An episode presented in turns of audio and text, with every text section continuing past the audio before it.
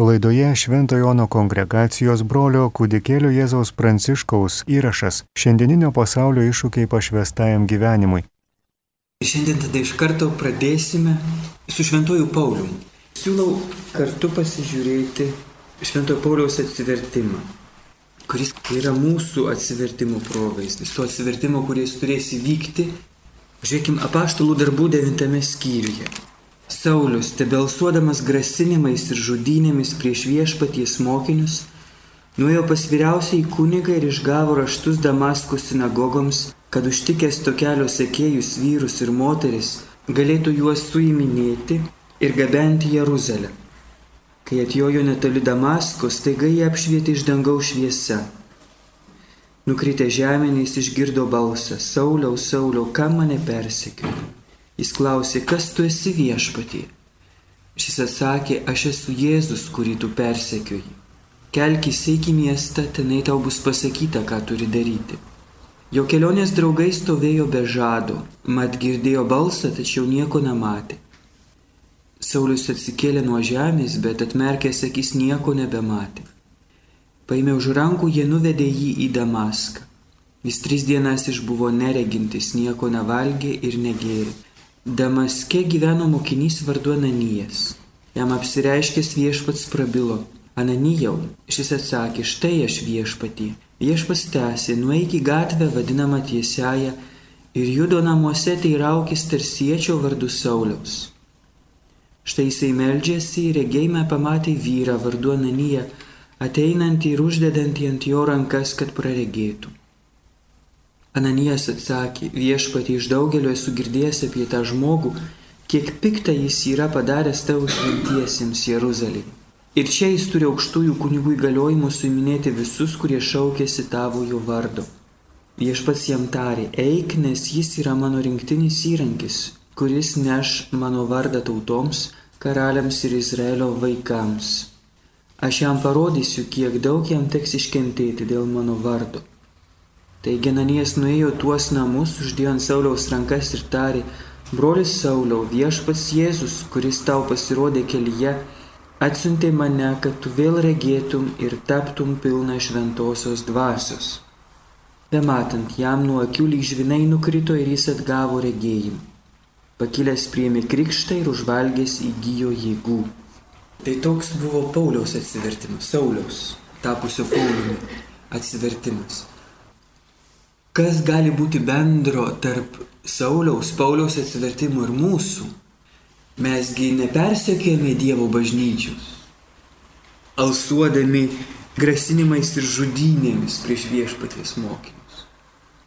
Aišku, kad tiesioginė prasme, gal mes nebuvom kagabistai persekioję ir kišę į kalėjimus ir trėmė į Sibirus tikinčius Kristų. Bet yra vienas aspektas, pagal kurį pasižiūrėję į savo gyvenimą mes galime atpažinti savyje Saulį. Saulis buvo užsidegęs daryti tai, kas jam atrodo teisinga. Jis persekiojo šitą sektą, atskalūnus, visiškai nuoširdžiai, tikėdamas, kad tai yra Dievo valia ir kad juos reikia išpjauti, išnaikinti, kaip auglį piktybinį iš Izraelio. Ir galbūt mūsų gyvenime irgi yra tokio uolumo. Dėl viešpaties, aišku, kad dėl viešpaties. Bet kuris kyla iš mūsų, ne iš viešpaties. Išpjauti iš mūsų kongregacijos visokias nenormales seseris. Mes norim padaryti teisingumą vietoj viešpaties. Kad viskas būtų tobula. Ir čia galime dar pasižiūrėti dar į kitą apie atsivertimą, ką kalba Jėzus, į kitą rašto vietą, apriškime šventam Jonui, apokalipsai, laiškas Efezui, Efezo bažnyčiai, ką Jėzus liepia Jonui užrašyti Efezo bažnyčiai. Efezo bažnyčios angelui rašyk. Tai sako tas, kuris laiko savo dešinėje septynės žvaigždės, kuris vaikščiojo tarp septynių aukso žibintuvų. Aš žinau tavo darbus, tavo triūsą ir tavo ištvermę Žinau, kad tu negali pakesti piktųjų. Ir ištyriai tuos, kurie sakosi esą paštalai, bet tokie nėra ir radai juos esant melagius. Žinau, kad esi ištvermingas, kad dėl mano vardo nenuilsdamas kentėjai vargus. bet aš turiu prieš tave tai, kad palikai savo pirmąją meilę. Taigi prisimink, nuo kur nupuoliai, atsiversk ir vėl imkis pirmykščių darbų. O jei ne, jei neatsiversi, tai aš ateisiu ir išjudinsiu iš vietos tavo žibintuvą. Savo naudai tu turi, kad nekentin mikalojininkų darbų, kurių ir aš nekenčiu. Kas turėjo sistę klauso, ką dvasia skelbia bažnyčiams.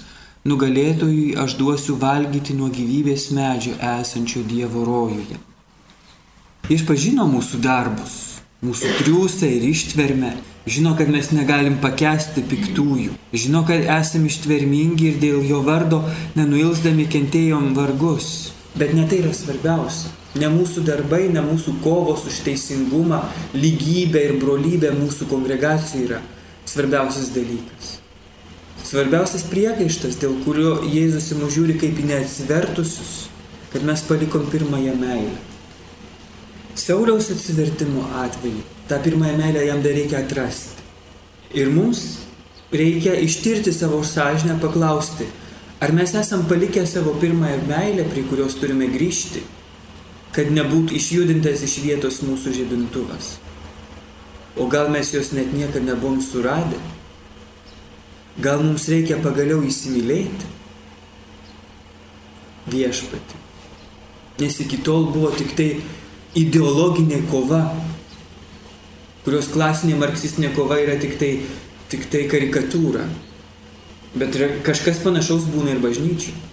Ar mes nesam bažnyčios komjaunimas, kovojantis už, už teisybę, labai nuoširdžiai ir žaidžiantis mūsų seserų ir brolių širdis, gal net nužudantis juos. Nes žodis žaidžia kitą kartą daug labiau negu peilis. Ir visą tai dėl viešpaties, kaip Saulis. Nes iš tikrųjų vykdom savo valią. Manydami, kad tai yra Dievo valia, vykdom savo valią. Norim pakeisti pasaulį. Viską nugriauti ir iš pamatų atstatyti, kaip internacionalė komunistai gėdodavo. Ar nėra to mumise? Reikia savęs tikrai tiesoj paklausti. Ir jeigu rasime tokią laikyseną savo seserų, savo vyresniųjų atžvilgių, vadinasi, mums reikės atsiversti. Kai atjojo netoli Damasko, staiga jie apšvietė iš dangaus šviesa. Nukritę žeminys išgirdo balsą, Sauliau, Sauliau, kam mane persekiui? Jis klausė, kas tu esi viešpati. Šis atsakė, aš esu Jėzus, kurį tu persekiui.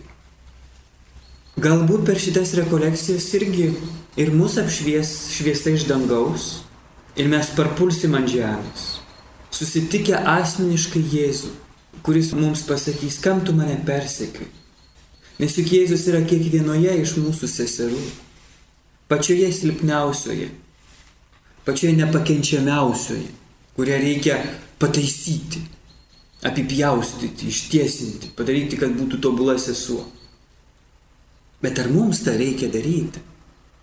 Nes sėsdamiesi į viešpaties vietą, nes iš tikrųjų tai yra jo reikalas, ne mūsų, mes jį persekiojame, patį Jėzų persekiojame.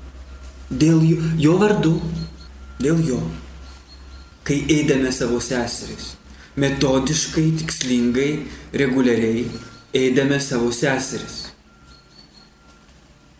Aš esu Jėzus, kurį tu persekioji. Kelkis iki miestą, tenai tau bus pasakyta, ką turi daryti. Įdėmiai klausykime per šitas rekolekcijas. Tikriausiai mums bus pasakyta, ką mes turime daryti. Kad nebepersiokytume Jėzaus savo seseryse, savo broliuose. Saulius atsikėlė nuo žemės, bet atmerkęs akis nieko nebematė. Paėmė už rankų, jie nuvedė jį į Damaską. Jis tris dienas išbuvo neregintis, nieko nevalgė ir negėrė. Na va, dabar kai aš tai baisiai pasakiau, jeigu jūs tirsite savo širdį, savo gyvenimą ir savo sąžinę, ir galbūt pamatysite, kad iš tikrųjų buvot kaip Saulis, kuris persekiojo Jėzų, savo artimį. Galbūt tikrai tai bus kaip žemės drebėjimas, apverčiantis aukštinkom visą jūsų supratimą apie tai, kas yra vienuoliškas gyvenimas ir broliška meilė seserišką meilę. Ir tada greičiausiai tris dienas nieko nematysit.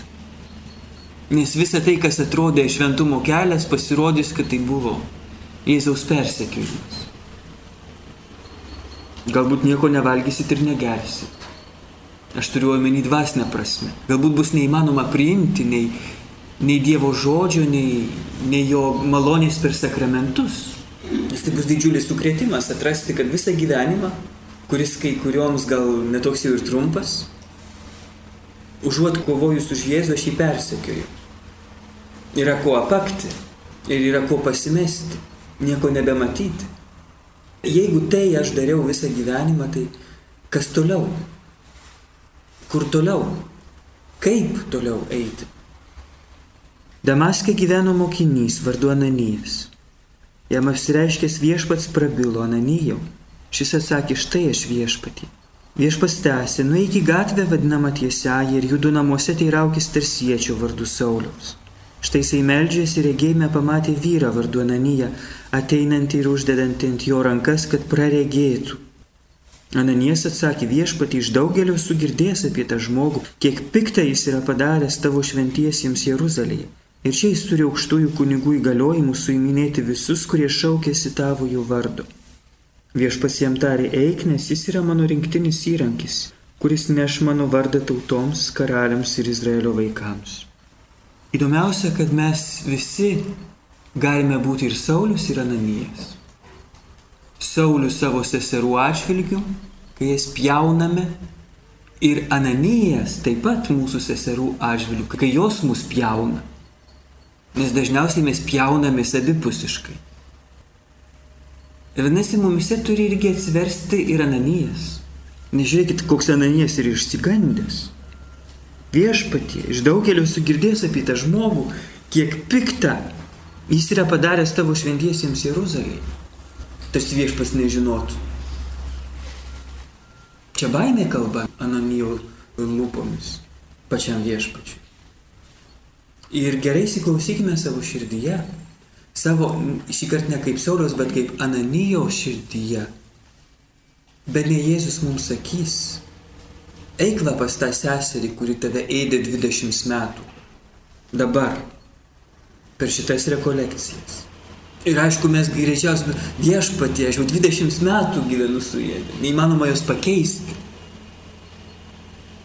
Viešpats jam tarė, eik, nes jis yra mano rinktinis įrankis, kuris neš mano vardą tautoms. Viešpats taip kviečia mus į daug daugiau negu susitaikymą. Nes susitaikymas tai dar žmogiškas dalykas. Žmogiškų santykių harmonija, pusiausvyrą įmanoma pakenčiamai kartu gyventi. Jėzus kviečia į daug toliau, Jėzus kviečia į savo paties slėpinį.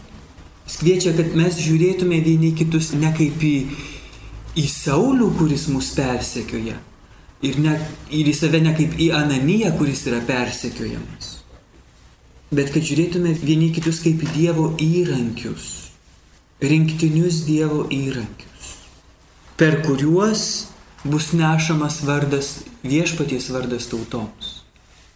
Saulis taps viešpaties įrankiu, kol kas jis buvo tik savo valios įrankis. Ir Ananijas yra viešpaties įrankis Sauliui, kad Saulis praregėtų. Ir dar Jėzus prideda, aš jam parodysiu, kiek daug jam teks iškentėti dėl mano vardo. Ananijas nuėjo tuos namus, uždėjo ant Sauliaus rankas ir tarė, broli Sauliau, viešpats Jėzus, kuris tau pasirodė kelyje, atsiuntė mane, kad tu vėl regėtum ir taptum pilna šventosios dvasios.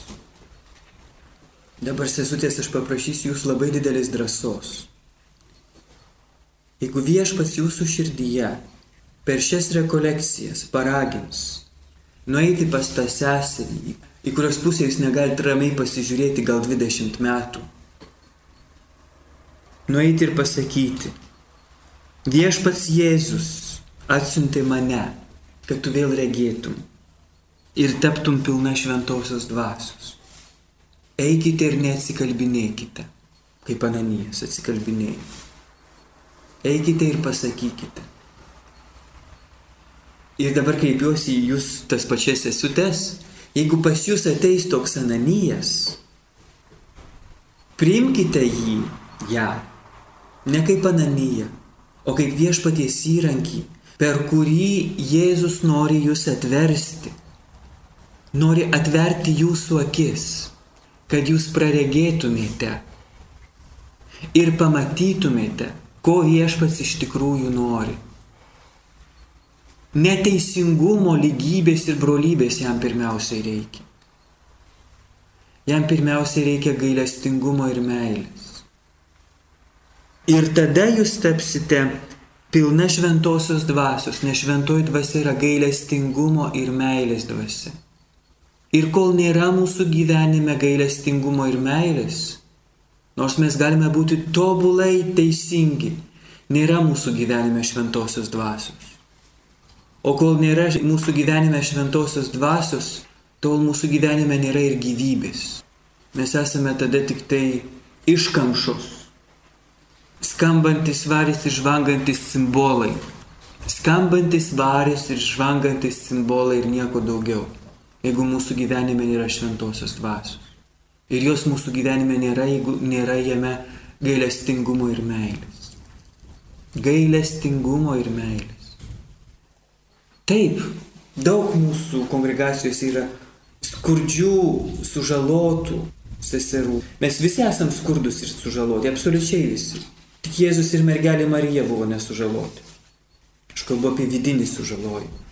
Vadinasi, visi mes esame truputėlį šleivi, truputėlį kreivi, šlubi, vienakiai, neprigirdintys. Visi. Ir jeigu mes mėginsime vieni kitus gydyti tokiais drastiškais būdais kaip, kaip Saulis, tai užuot išgydėmės visai pabaigsim nu, nugalabinti savo seserį ne visai apaktų ar, ar apkurstų ir nebepaeitų. Tik gailestingumas tai gali padaryti. Jėzaus gailestingumas tekantis per mus. Ir kad jis galėtų tekėti per mus, mes turime pašalinti iš savo širdžių ir iš savo gyvenimo šitą iš esmės labai subtilę puikybę. Stotis Jėzaus vietoje ir tvarkyti savo sesį, ją skaptuoti kaip kokią skulptūrą, padaryti tobulą.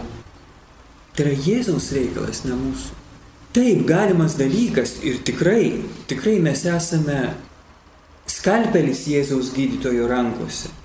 Mes esame kaltas Jėzaus skulptoriaus rankose. Bet mes esame tik skalpelis ir tik kaltas. Mes nesame gydytojas ir skulptorius. Taigi reikia pagaliau užleisti vietą savo gyvenime Jėzui, kad Jis darytų per mus tai, ką Jis nori, o ne tai, kas mums atrodo gerai. Ir čia tinka tiek seserims, kurios turi paklusti, tiek seserims, kurios turi vadovauti vyresniosiams. Ir tarp kitko būti vyresnė yra žymiai sunkiau negu, negu paklūstančia. Nes paklūstantis sesuo jinai turi nepaprastą privilegiją, jinai žino, kad net jeigu vyresnioji gali suklysti, ir jinai garantuotai suklysta, nes jinai tik žmogus, net popiežius klysta. Jis neklystantis yra dviejose dalykuose tik tai. Tikėjimo ir moralės. Ir tik tada, kai kalba visai bažnyčiai, kaip Petro įpėdinis. Bet visur kitur popiežius irgi gali suklysti. Jis irgi yra žmogus. O mūsų vyresnių yra net ne popiežius. Žinoma, kad jinai gali suklysti. Bet mes paklūsdami niekada nesuklystame. Niekada nesuklystame. Nes mes paklūstame ne žmogui. Nes mes paklūstame Jėzui. Kuris ir su netobulais įrankiais moka padaryti šedevrus. Ir su netobulais įrankiais moka padaryti šedevrus. Kaip popiežius Benediktas 16 savo pontifikato pradžioje. Pirmieji žodžiai buvo, aš pasitikiu viešpačiu, kuris ir su netobulais įrankiais moka padaryti gražių dalykų. Mes turime taip pat pasitikėti viešpačiu, kad su tuo netobulu įrankiu mūsų vyresnėje viešpats gali padaryti nuostabių dalykų, gali iš manęs padaryti šedevrą. Viešpats, ne vyresnioji, viešpats. Žinoma, kad aš turiu, aš privalau vyresniai ramiai, ramiai, be nervų pasakyti, jeigu man atrodo, kad jos sprendimas yra neteisingas. Aš privalau. Jeigu aš nepasakau, turėti iš pažinties. Nes šventoji dvasia kalba taip pat ir per mane. Ir vyresniosios reikalas yra išgirsti per visur kalbančią šventąją dvasę ir atskirti. Aišku, per mus kitą kartą ir nešventoji dvasia gali kalbėti.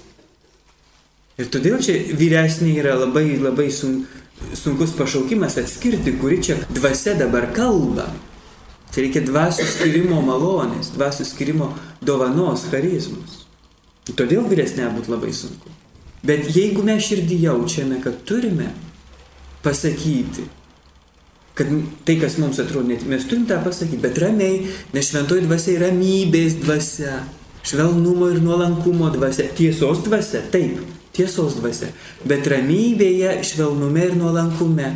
O jeigu mes einame su pykčiu, neramybė ir tokiais labai sesiriškais žodžiais, nu ir durmetu, nukvakusi, nieko jau nebesupranti, tai čia tikrai ne šventoji dvasia šitaip kalba.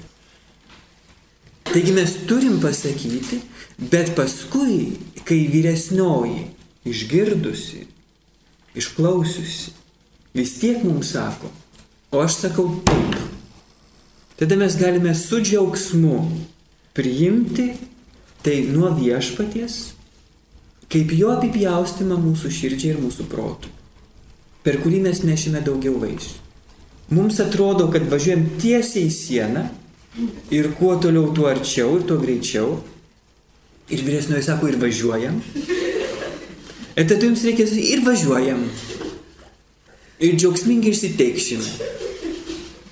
Nes galbūt to reikia, kad per tą išsiteiškimą kažkas iškristų iš mūsų širdžių, iš mūsų gyvenimų. Kita kartą reikia tokių katastrofų, kad, kad seserys atsibustų iš miego.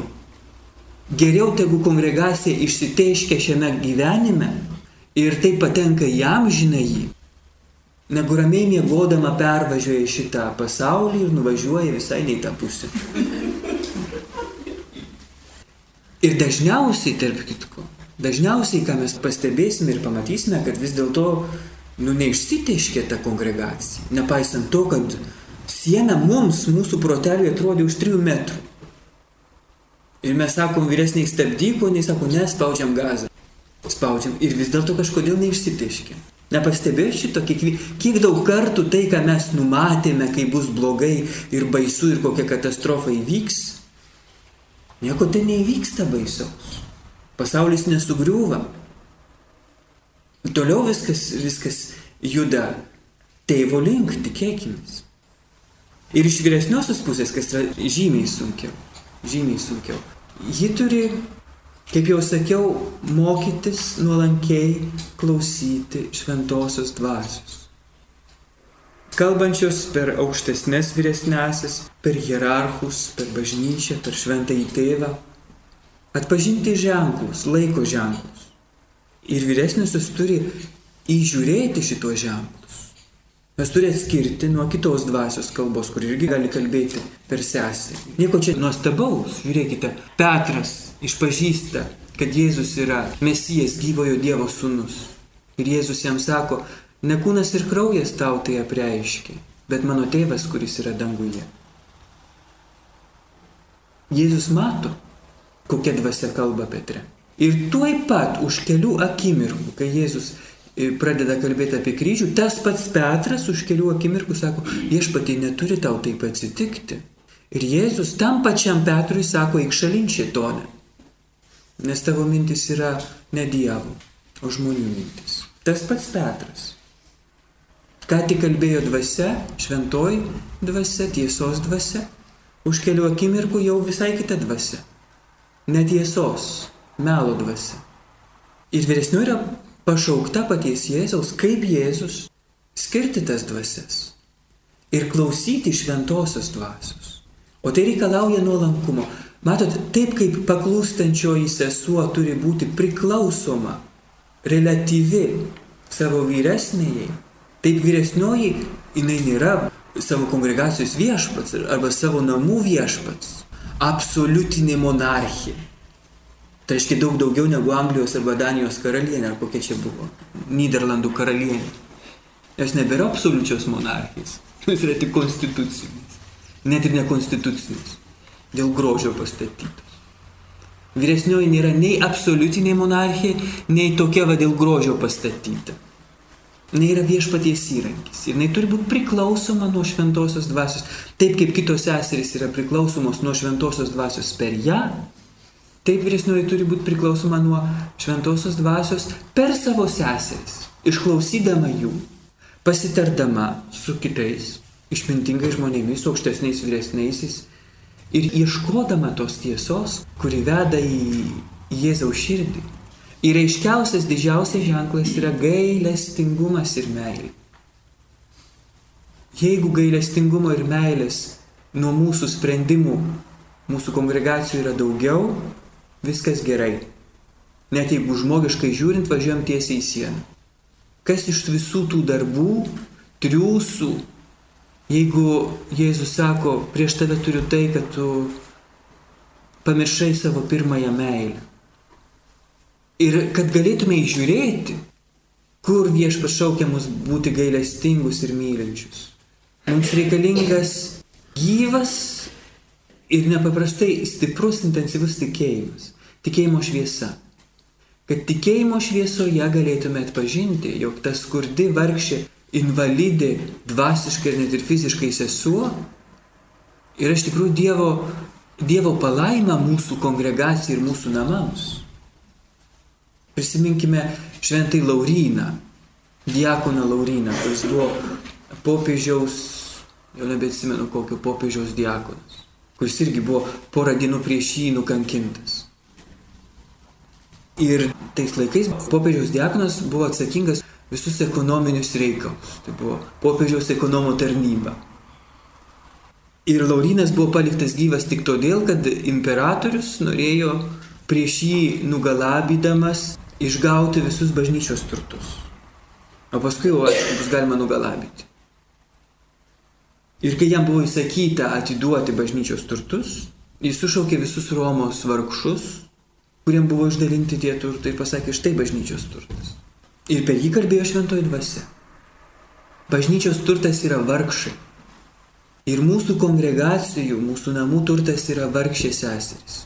Labiausiai vargšės seserys. Net jeigu mums ir labai nepatogu ir nemalonu žmogiškai gyventi su jų spigliais arba iltimis arba dar nežinau kuo.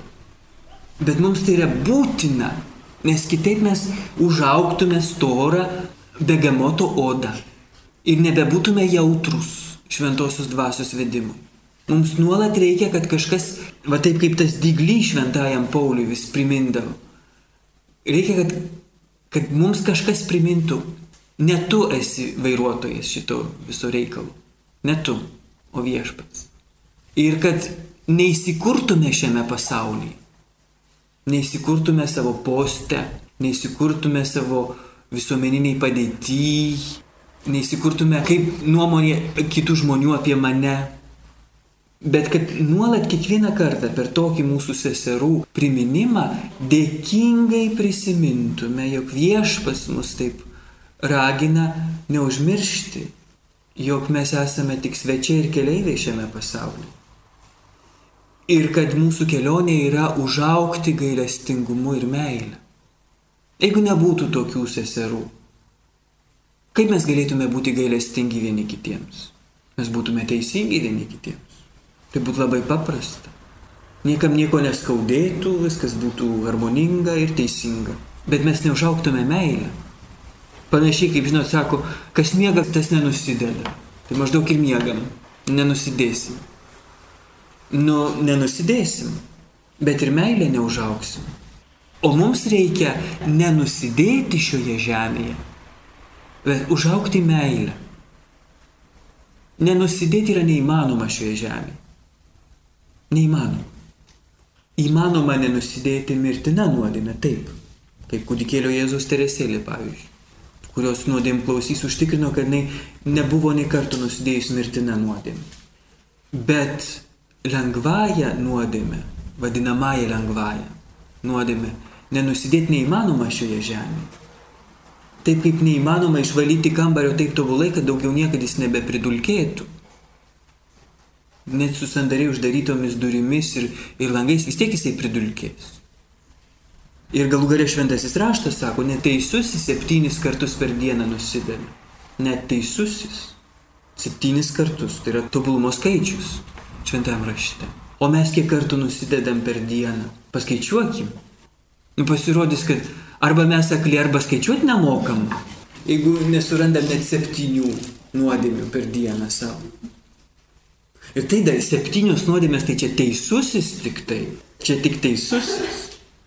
Nes šventas raštas yra Dievo žodis, o Dievas yra tiesa kalbis, tai jis nemeluoja. Jeigu jis įsako, kad neteisusi septynis kartus per dieną nusideda, tai yra tiesa. Ir jeigu aš nesurandu savo gyvenime tų septynių nuodėmių per dieną, tai, tai sakau, aš esu aklas arba skaičiuoti nemoku. Yra tos nuodėmės mūsų gyvenime.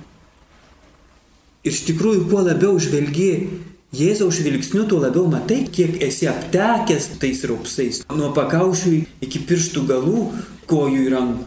Visas aptekęs raupsais. Nuodėmės raupsais. Ir čia nereikia labai sunkių nuodėmių, kad būtum raupsuotas. Prisiminkim, ką Jėzus sako šventai Faustinai. Man pasišventusių sielų neištikimybė mažuose dalykuose mane skaudina daug labiau negu didelis pasaulyje gyvenančių žmonių nuodėmis. Aš pakartosiu, įsmeigsiu e, kinžalą jūsų širdį. Dar kartą. Mažos man pasišventusių sielų neištikimybės, mažos jūsų neištikimybės, mažos mano neištikimybės. Jėzaus širdį skaudina daug labiau, jo paties žodžiais tariant. Jėzaus širdį skaudina daug labiau negu didelės pasaulyje gyvenančių žmonių nuodėmis. Kodėl?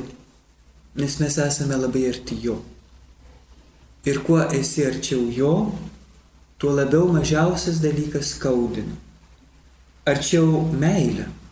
Žiūrėkit, kai žmonės myli vienas kitą. Mažiausias nedėmesingumas, mažiausias neatidumas baisiausiai skaudina tada. Ir kuo labiau myli, tuo labiau skaudina net mažiausias atsigrėžimas į save, o, ne, o ne į, į mylimą žmogų. Jeigu mes nemylėtume to žmogaus, tai mums, nu, pasakė ir pasakė, ir nepadarė, nepadarė, nu ir maibala. Gal truputėlį skaudu ir, ir, ir nemalonu, bet apsisuksim ir už penkių minučių užmiršim, kad tas žmogus pasakė. Važiuoji, pavyzdžiui, miestu, tave lenkia koks nors ten vairuotojas ir atsidaręs, atsidaręs langą išloji ją. nu būna tai. Nu nemalonu, bet nuvažiavo ir užmiršai ir praėjo.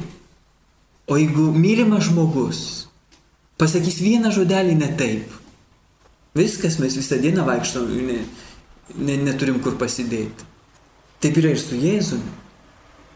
Mes esame ypatingai artimos jam sielos kurias jis ypatingai myli, kitaip mūsų čia nebūtų šiandien.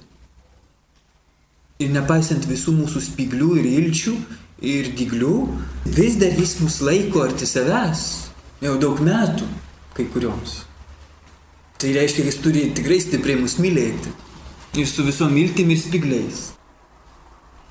Bet mums reikia atsiversti pagaliau, kad, kad nukristų žvinai nuo mūsų akių ir atgautume regėjimą ir galėtume regėti viešpatį mūsų gyvenime, kalbantį per mūsų seseris, kalbantį per įvairias situacijas, įvykius, kalbantį per mūsų nuodėmes, kalbantį per mūsų kančias ir per mūsų džiaugsmus.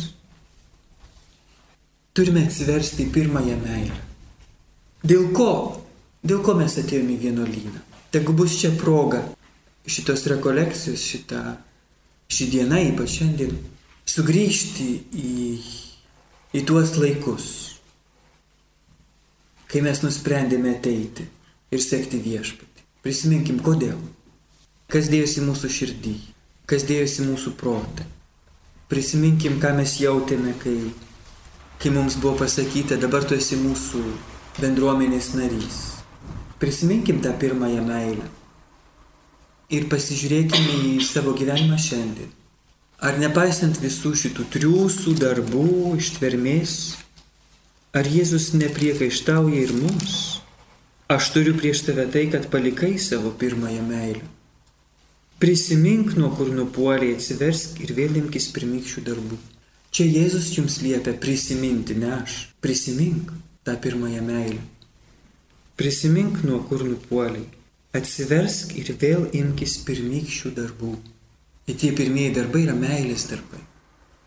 Nelaikykim save senomis vilkėmis, patyrusiamis vienuolėmis.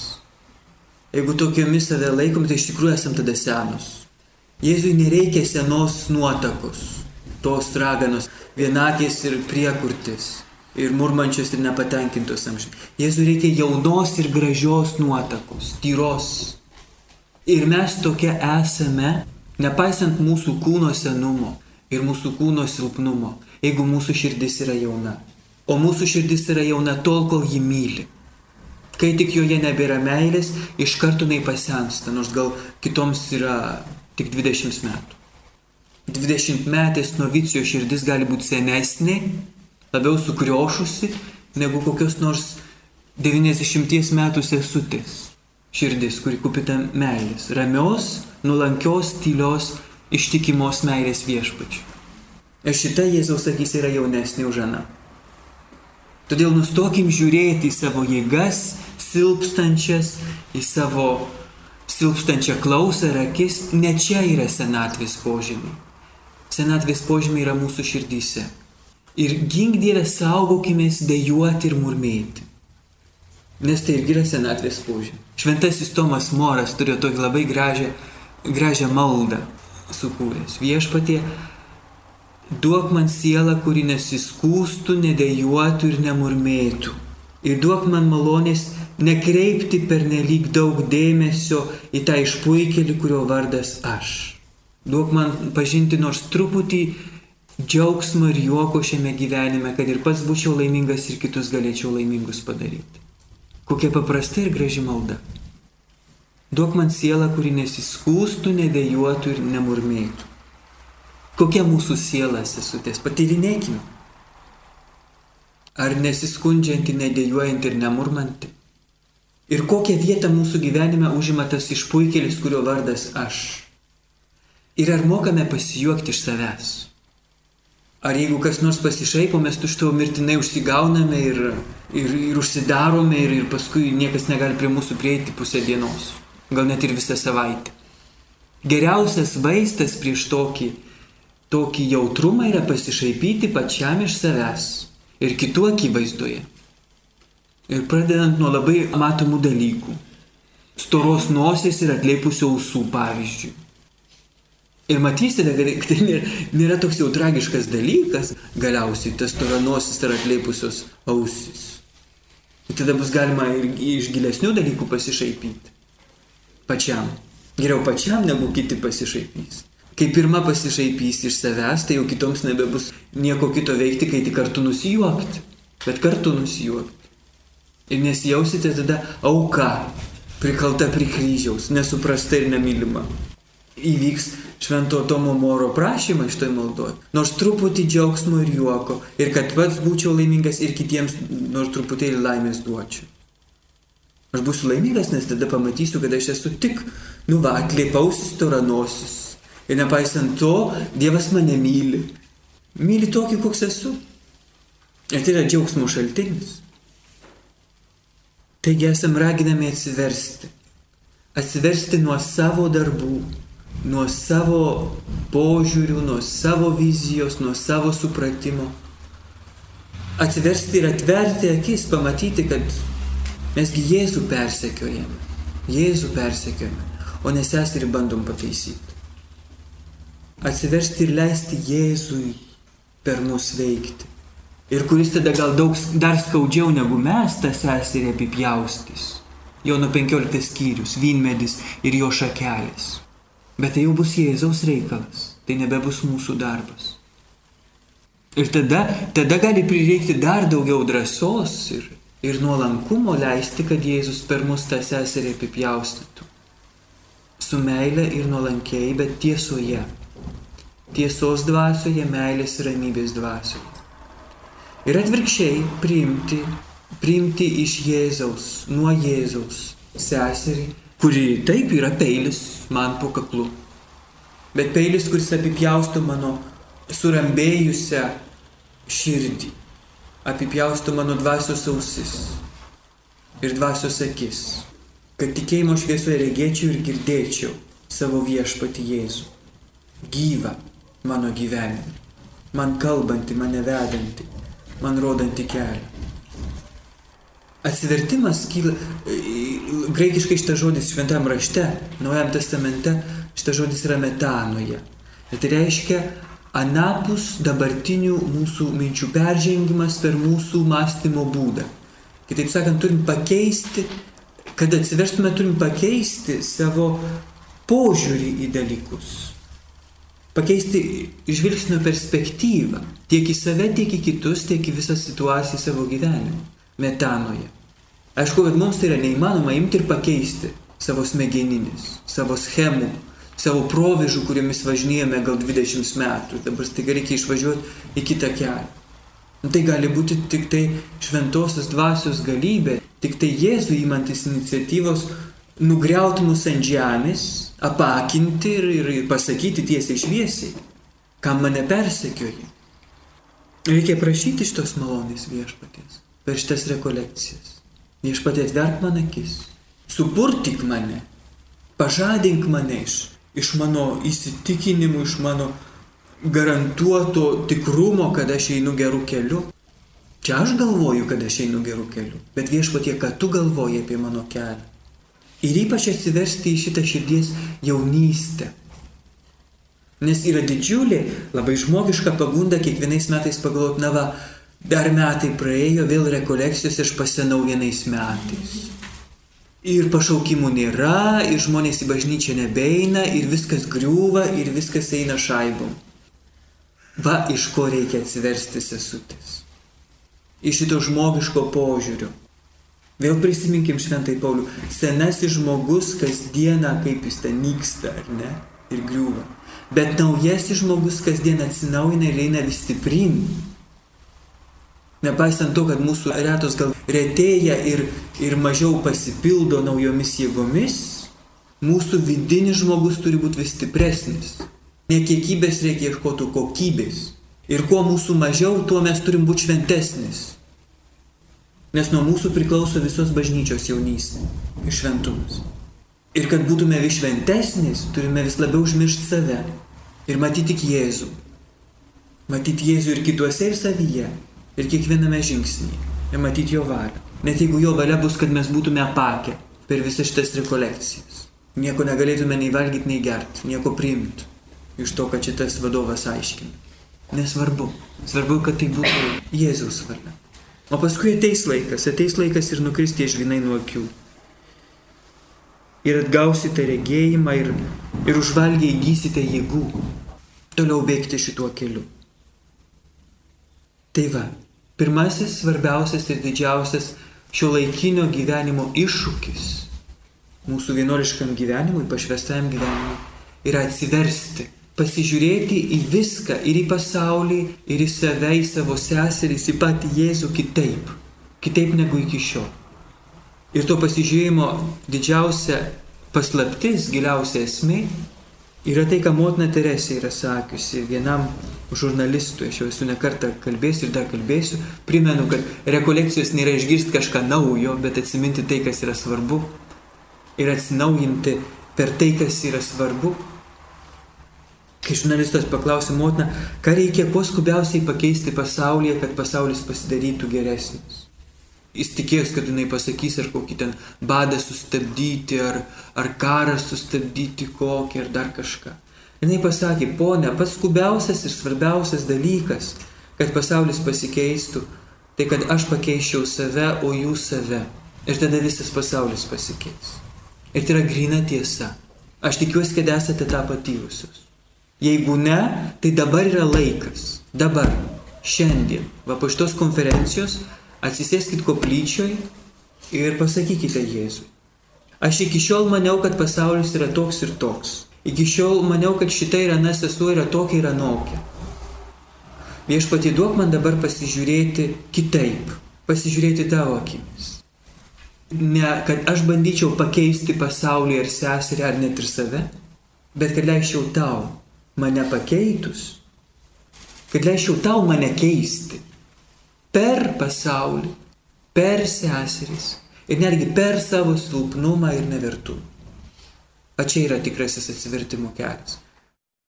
Girdėjote Šventojono kongregacijos brolio kūdikėlio Jėzaus Pranciškaus rekolekcijų įrašą šiandieninio pasaulio iššūkiai pašvestajam gyvenimui.